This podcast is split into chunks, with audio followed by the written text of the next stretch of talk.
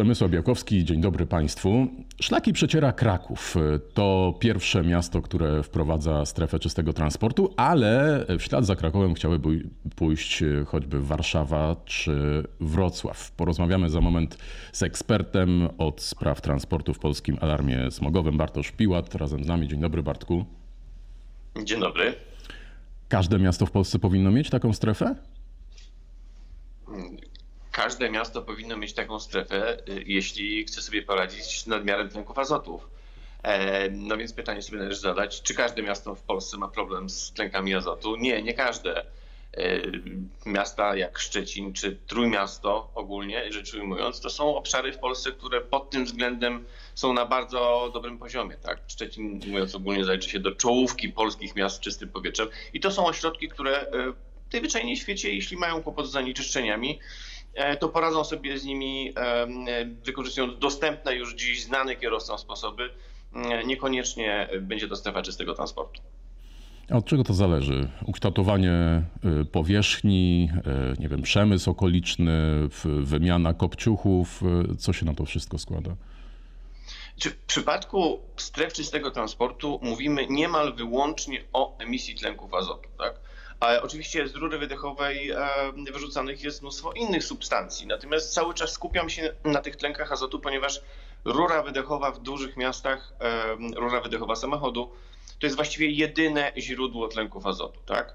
E, drugim w kolejności jest przemysł, ale jeżeli pokazujemy to w procentach, to w dużych miastach, takich jak Warszawa czy Kraków, samochody to 75% całej emisji tlenków azotu. 75%.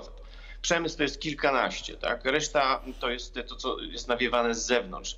Więc takie ośrodki jak właśnie wspomniane przeze mnie Szczecin czy Trójmiasto, Dzięki temu, że mają bardzo dobre przewietrzanie, tak, Trójmiasto bezpośrednio nad morzem, Szczecin bardzo y, taki no, atrakcyjny, e, atrakcyjne położenie geograficzne, e, więc to są ośrodki, które z tym sobie nie muszą radzić za pomocą strefy, bo mają ułatwienie w postaci dobrego dobrej wymiany powietrza.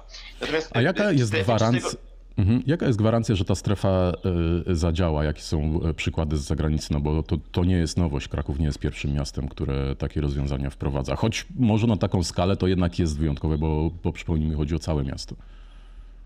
Y, o, no to trzeba uporządkować rzeczywiście, bo stref takich ogółem w tym momencie, stref, które w jakiś sposób regulują, czy to w większym mieście, czy w mniejszym, kwestie tego, jakie auta mogą tam wjeżdżać, jest ponad w tym momencie 350. Tak? W przyszłym roku, czy nie, w tym 23 roku e, w Hiszpanii każde miasto większe niż 50 tysięcy mieszkańców też będzie miało strefy czystego transportu. E, ale e, jaki to przynosi efekt? Najlepiej to widać na tych dużych właśnie strefach, w dużych miastach, bo dopiero objęcie dużego obszaru przynosi jakieś przyzwoite efekty. Paryż, cały Paryż i kilkanaście gmin przylegających do Paryża tworzy jedną wielką strefę czystego transportu. 23% e, niższe stężenia tlenków azotu przy stosunkowo mm, słabych wymogach. Zobaczymy, jakie będą pomiary teraz po tym, jak e, ten próg został podniesiony. Na marginesie próg obecnie obowiązujący w Paryżu to mniej więcej taki e, próg jak, jak to rozwiązanie, które zostało wdrożone w Krakowie. Z kolei czytałem, zdaje się o jednym z niemieckich miast, nie jestem pewien teraz, czy to był Berlin, czy, czy Monachium, ale w jednym z tych miast e, dosłownie pojedyncze ulice, ulice zostały włączane czy wyłączane z tej e, strefy. Czy, czy to ma jakiś sens w takim razie? Mm, nie, nie ma, od razu mówię. To znaczy, zmiana ruchu na jednej ulicy nie przełoży się na stan powietrza w całym mieście. Chyba, że wszystkie auta bez wyjątku jeżdżą tą ulicą, tak? Bo to jakby w ten sposób należy na to patrzeć.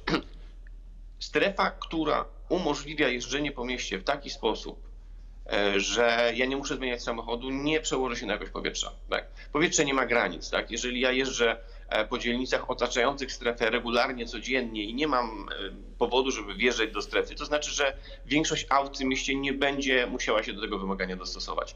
To, o czym mówimy w niemieckich miastach, bo rzeczywiście tak jest, że Hamburg, Berlin, w tym momencie także niektóre miasta z Zagłębia Rury mają takie pojedyncze ulice, ale te pojedyncze ulice to są najczęściej ulice, które mają jeszcze surowsze wymagania niż ta, te, które obowiązują w całej strefie czystego transportu. Znaczy oni w ten sposób e, e, badają grunt, to znaczy sprawdzają, czy mm, e, takie rozwiązanie będzie akceptowalne społecznie. czy punktowo przynosi jakieś efekty, bo to też widać w ruchu, tak? Można sprawdzić, czy jeżeli notujemy na takiej ulicy jakieś spadki, to czy przenosząc to na całe miasto osiągniemy pozytywny efekt dla powietrza, bo, i to już puentując, jest górna granica rozsądku. To znaczy są już po prostu takie poziomy wymagań dla samochodów, powyżej których nie ma sensu z punktu widzenia praktycznego wychodzić.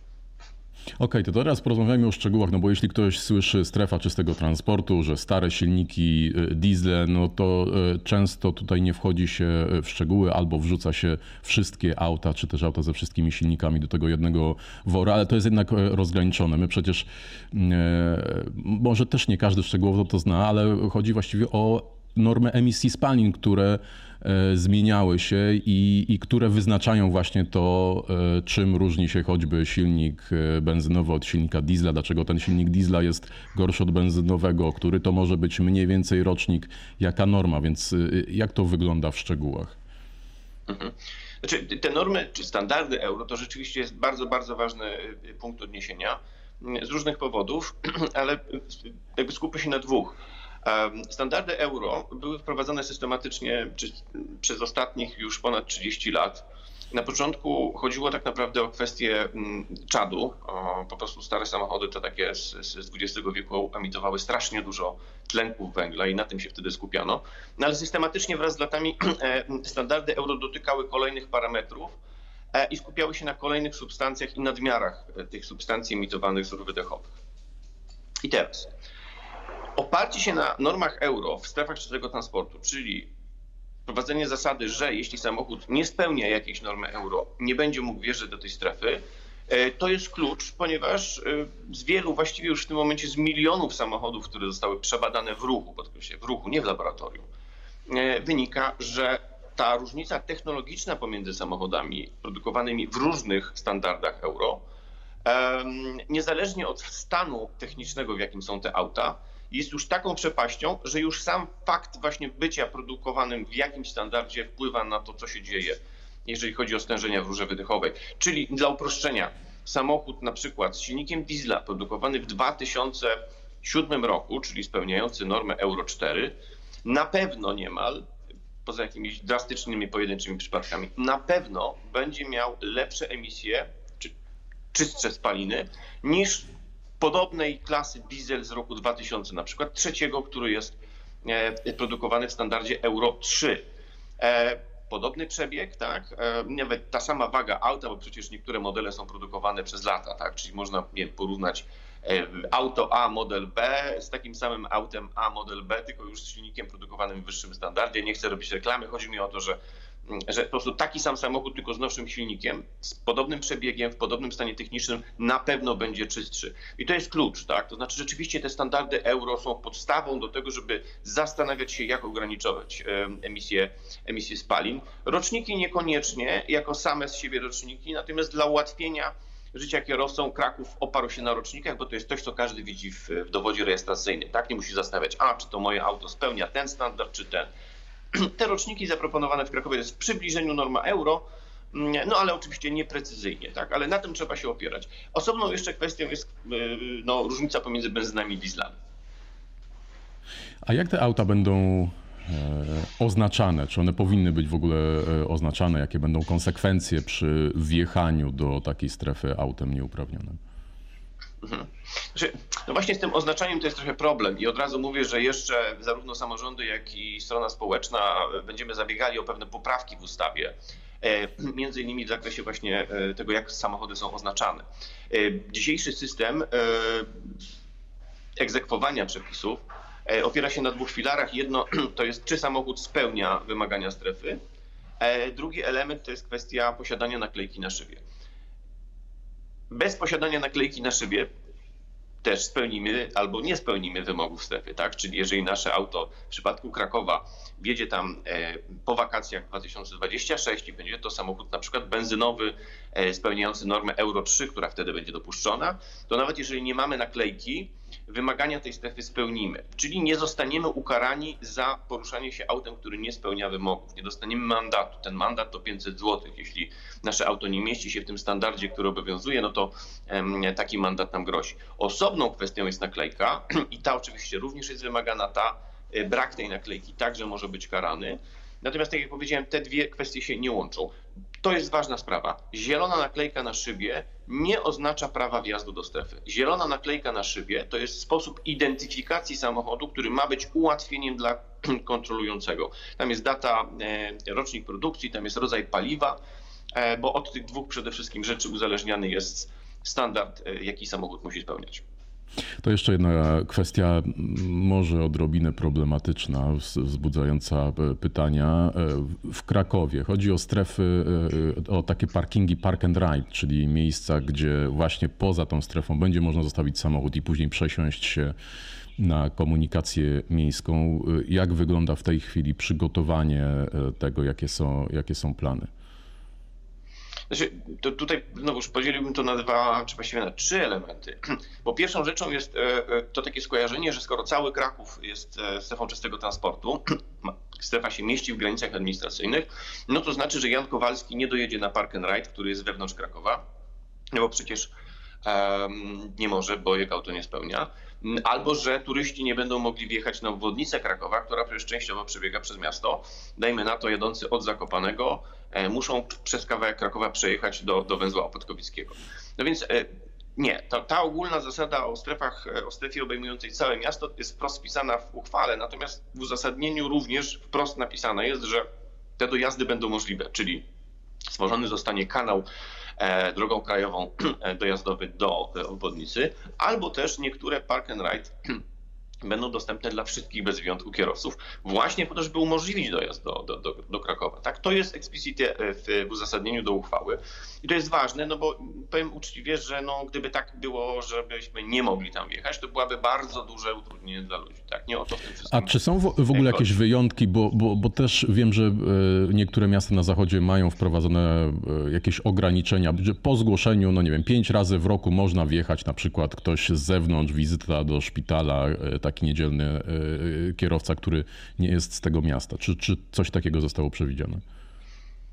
Są miasta, gdzie to działa, są miasta, gdzie to nie działa. E, miastem, w którym to działa jest na przykład Antwerpia. Nie pamiętam, przepraszam, wydaje mi się, że sześć razy w ciągu roku albo osiem. Można wjechać po zgłoszeniu przed nim tak, dowolnym pojazdem. Czyli to jest taka, taki pomysł na to, żeby znaleźć odpowiedź dla przypadków nagłych, tak, niespodziewanych, kiedy zakładaliśmy, że nie będziemy wjeżdżali do tej Antwerpii samochodem, ale coś się zdarzyło i musimy. Takie rozwiązania w Krakowie były rozważane, natomiast e, niestety właśnie ze względu ten, na ten system oznakowania, o którym wcześniej mówiliśmy, nie za bardzo jest jak to egzekwować. To znaczy trzeba by wydawać naklejkę, która, na której jest jasna informacja, że obowiązuje w danym dniu. E, to jest mankament i oczywiście dlatego powiedziałem, że zabiegamy y, o poprawki w tym zakresie. Kraków jest też również wśród miast, które zabiega o poprawki w tym zakresie, bo y, wszystkim zależy na ułatwieniu życia kierowcom. Tak? I dokładnie ten przypadek jest bardzo trudny do realizacji.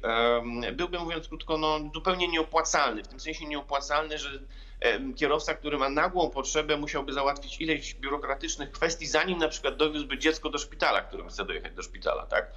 Więc no, no to byłoby totalnie przeciwskuteczne. Ten system w Polsce na razie takich rozwiązań za bardzo nie, nie umożliwia.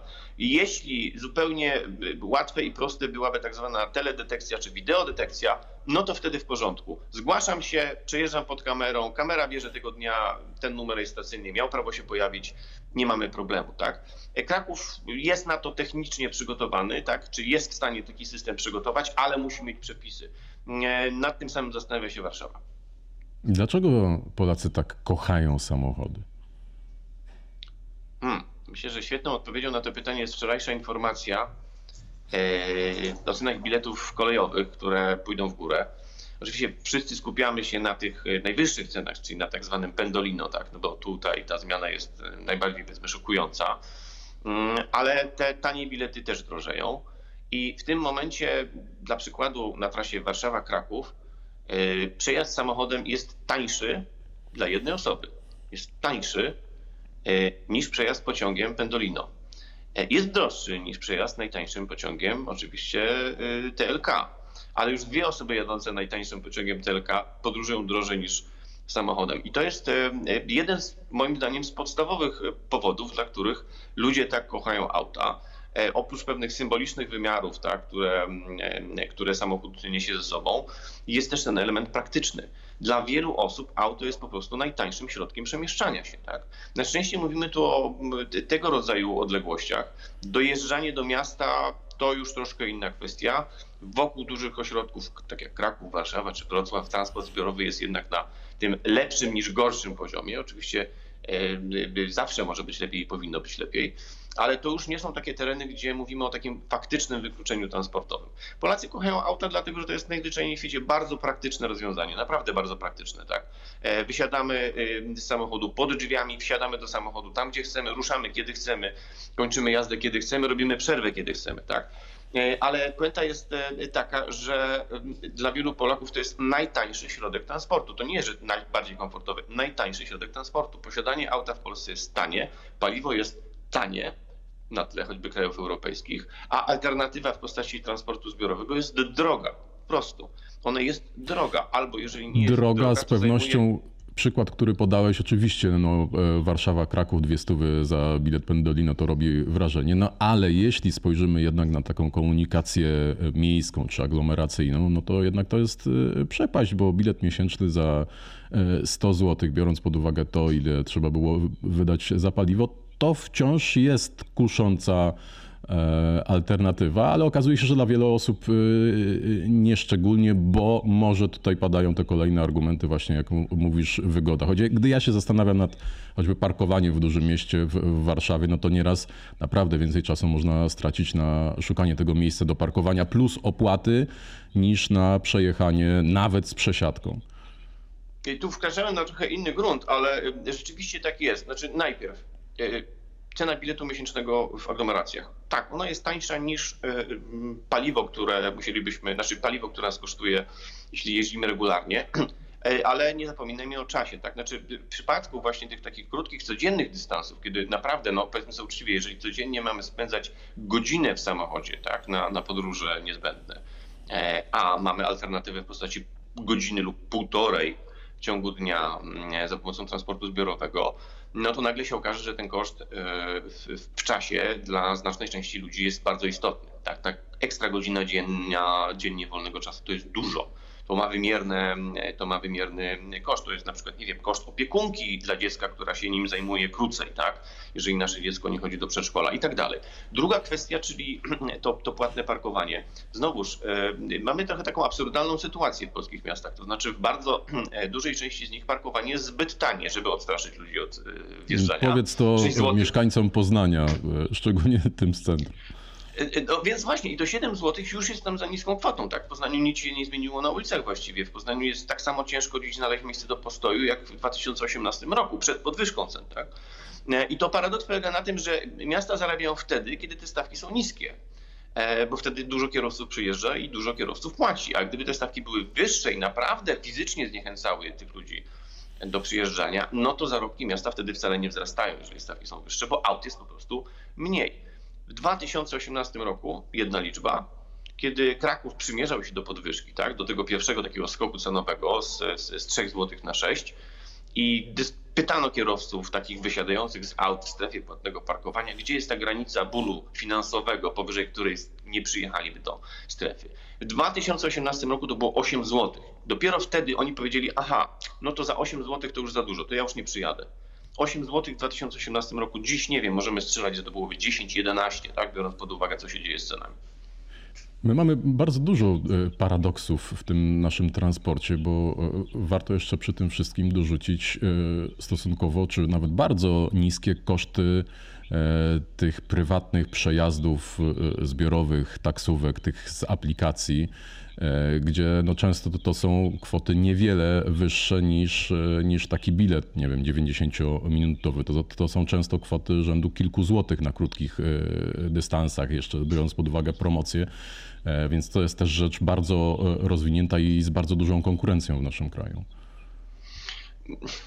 To, to, znaczy ja jestem w grupie Ja nie osób, mówię, że to jest dobre, ja tego nie chwalę. Stwierdzam fakt, że, że to funkcjonuje i że to jest naprawdę tanie. Ja jestem w grupie, która uważa, że e, ten transport, nazwijmy go aplikacyjny, jest bardzo dużym niebezpieczeństwem dla budowania dobrego systemu transportowego w miastach. Nie o to chodzi, że ja zazdroszczę czy żałuję firmom zarobku i unie, nie, wiem, nie uniemożliwiam dodatkowe dorabianie tak, dla tych, którzy takimi samochodami jeżdżą. To nie o to chodzi. E, taki transport jest nieprzewidywalny. Jeżeli chce się zarządzać transportem w dużym ośrodku miejskim, a taki system transportowy nigdy na siebie nie zarabia, to pamiętajmy o tym, to zawsze oznacza dopłaty z budżetu miasta. Wyższe lub niższe, to jest decyzja polityczna, ale to zawsze oznacza dopłaty. E, I jeżeli chce się zarządzać takim systemem, to on musi być przewidywalny. E, w związku z czym tego rodzaju taksówki nie będące taksówkami, będące poza systemem, zaburzają to. Właśnie z tego powodu, że pewne mm, okazje sprawiają, że ludziom się nie opłaca pojechać transportem zbiorowym. Proszę zwrócić uwagę, że od tego czasu, kiedy takie przejazdy się pojawiły, mm, bardzo spowolniło tempo przyrostu tak zwanych użytkowników transportu zbiorowego na bazie biletu miesięcznego. To nie są tylko kwestie cen. To jest kwestia tego, że ludzie właśnie jakby przyzwyczaili się, że oni z dnia na dzień zmienią środek transportu. A skoro tak, to dużo trudniej przewidzieć jest, jakie będą wpływy do transportu zbiorowego z biletów, a skoro tak, to dużo trudniej przewidzieć, ile to będzie kosztowało. I tak dalej, i tak dalej. Znaczy, mówiąc krótko, takie rzeczy jak taksówka, hmm, rower miejski wynajmowany, hulajnoga miejska wynajmowana, y, to powinny być elementy transportu publicznego w danym mieście, zarządzane po, z ratusza, z magistratu, jakkolwiek zwał. Nie dlatego, że chcę, żeby to było drogie, tylko dlatego, że dzięki temu jesteśmy w stanie lepiej system planować i lepiej go dopasować do potrzeb ludzi. No to właśnie e, jeszcze jedna rzecz na koniec. Trochę już poruszyłeś. Jak oceniasz e, przyszłość tego modelu współdzielonego? Wspomniałeś o tych taksówkach, e, czy o hulajnogach, o rowerach. To już od kilku lat istnieje. W dużych miastach jest tego bardzo dużo. Czy, czy my się tym znudzimy, czy to jednak będzie się rozwijało?